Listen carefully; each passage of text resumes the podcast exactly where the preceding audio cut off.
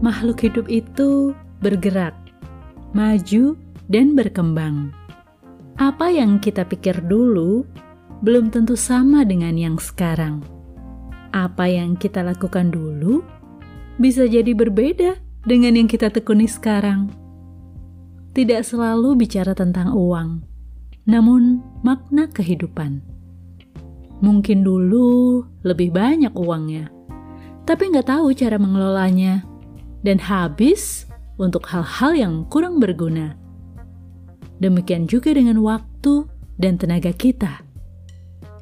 Akhirnya semakin dewasa, kita menjadi sadar apa yang seharusnya menjadi yang utama.